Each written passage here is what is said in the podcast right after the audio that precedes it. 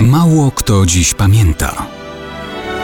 Datownik historyczny prezentuje Maciej Korkuć.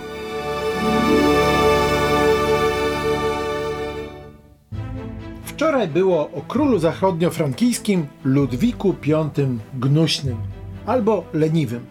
Dla odmiany dzisiaj będzie o władcy doskonałym, bowiem 3 marca 1455 roku na świat przyszedł Jan II, syn króla Portugalii Alfonsa V Afrykańczyka i Izabeli księżnej Coimbry. Miał ów Jan zaledwie kilkanaście lat, kiedy zyskał przydomek książę doskonały.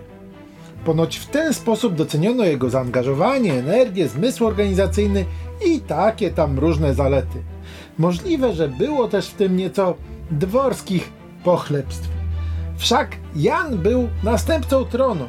Już jako dwudziestolatek został samodzielnym władcą całego państwa i faktem jest, że dużo wysiłku wtedy wkładał w podboje zamorskich terytoriów. Z sukcesem. Najpierw to było Maroko. Na wybrzeżu Afryki, na zachodnim brzegu zakładał twierdze obronne i faktorie handlowe.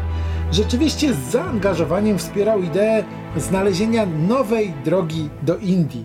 Finansował więc bardziej odległe ekspedycje. Dzięki nim odkryto i podporządkowano Portugalii afrykańskie terytoria przy ujściu rzeki Kongo i poszukiwano dalej, przy okazji rozwijając dochodowy handel złotem i niestety również niewolnikami. Po drodze Jan II krwawo likwidował spiski w niego wymierzone, nie oszczędzając nawet własnego szwagra.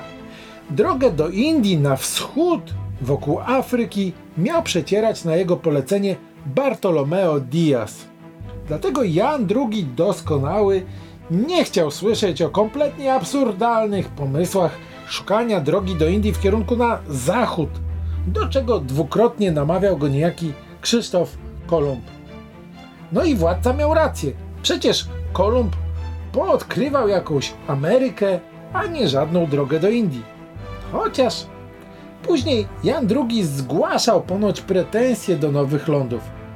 Może miał jednak poczucie, że nie był tak zupełnie doskonały.